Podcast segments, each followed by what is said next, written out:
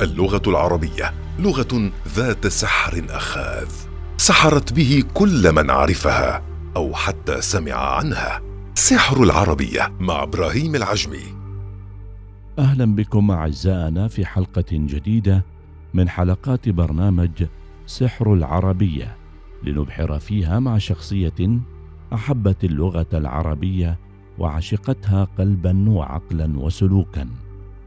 في هذه الحلقة من برنامج سحر العربية.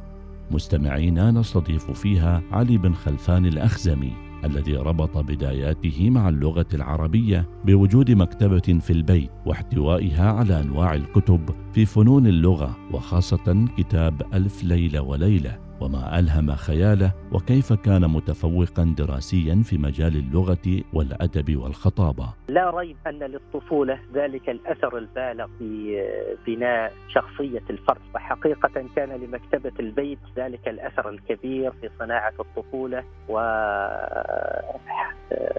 إيجاد الحظوة للغة العربية في حياتي فكانت المكتبة تشمل على العديد من كتب اللغة العربية وكتب الأدب كالمستطرف في كل فن مستظرف وجواهر الأدب والعديد من دواوين الشعر وللأقدمين والمعاصرين.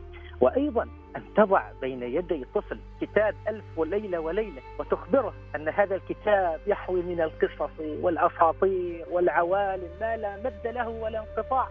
جلست على ذلك الكتاب محاولا أن أنهيه بأقصى سرعة وأن أحوي تلك القصص وذلك الخيال. وكنت أغتاظ كثيرا من أخوتي لأنهم كانوا يسبقونني في القراءة. وكنت أنا أضطر أن أرجع إلى المعاجم لكي آه، أفهم ما أشكل علي من ألفاظ. فكان أختي وأخي بارك الله فيهما في إيجاد المكتبة يخبرانني أنه لا عيب في استخدام المعاجم ومن ثم بعد ذلك انطلقت إلى بقية كتب الأدب ودواوين الشعر. كنت متفوقا دائما في اللغة العربية وكنت أحب كثيرا الشعر وبدأت آه، أقدم في مسابقات الإلقاء الشعري حتى حصلت في المرحلة الابتدائية على المركز الأول على مستوى السلطنة. ومن ثم بعد ذلك أكملت في المرحلة الإعدادية والمرحلة الثانوية حيث دمجت المسابقة مع الخطابة والحمد لله رب العالمين نلت على مراكز مشرفة على مستوى المحافظة وعلى مستوى السلطنة. وكانت اللغة اهتمامي باللغة العربية هو ما كان يدفعني إلى التميز في مثل هذه المسابقات. في الثواني القادمة شرح الأخزمي عن دور اللغة العربية في رسم شخصيته. وحضوره بين الناس ومدى قدرته على التحدث شجعه على ذلك حبه للغة والثروة اللغوية التي لديه وكيف أنه علق على تغريدة لأحد الرواة ما دفع الراوي للتواصل معه طلب منه أن يرسل له نقدا شاملا وأعجاب الراوي بلغته مشجعا له على اقتحام مجال الرواية.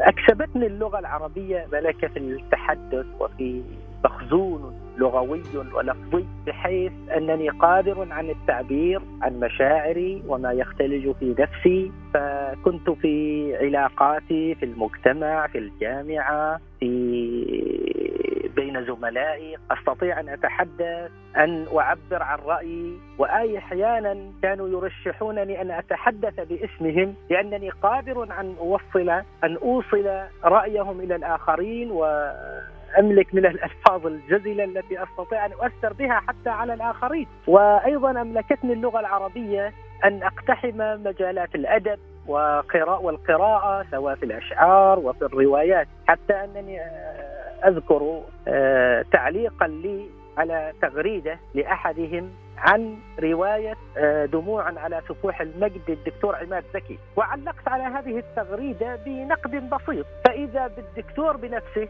صاحب الرواية يرد علي ويطلب مني نقدا كاملا شاملا وقد وضع بريده الإلكتروني. والحمد لله رب العالمين لولا آه، اهتمامي باللغة العربية لما كانت لدي المقدرة على كتابة. لا نقول أنه نقد وإنما رأي شخصي لخصته له في بضع صفحات في 2014 على حسب ما أذكر. و يعني أذهلني رد الدكتور.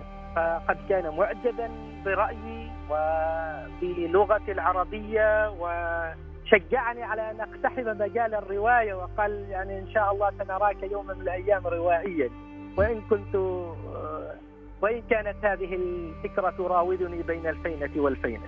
بعدها ذهب علي لرواية قصته في الجامعة وما جرى معه مع أحد الأساتذة بعد أن أثر قوله في نفسه موضحا دور القرآن الكريم واللغة العربية في حياته. إن اللغة العربية حقيقة هي من وجهت البوصلة ومن عبدت الطريق وأسرعت المسير إلى اين؟ إلى الله سبحانه وتعالى وأي حياة هي مع الله سبحانه وتعالى فلا طريق إلى الله دون القرآن الكريم ولا طريق إلى القرآن الكريم دون اللغة العربية. سأعطيك مثالا واحدا فقط لأوضح لك مدى هذا الترابط.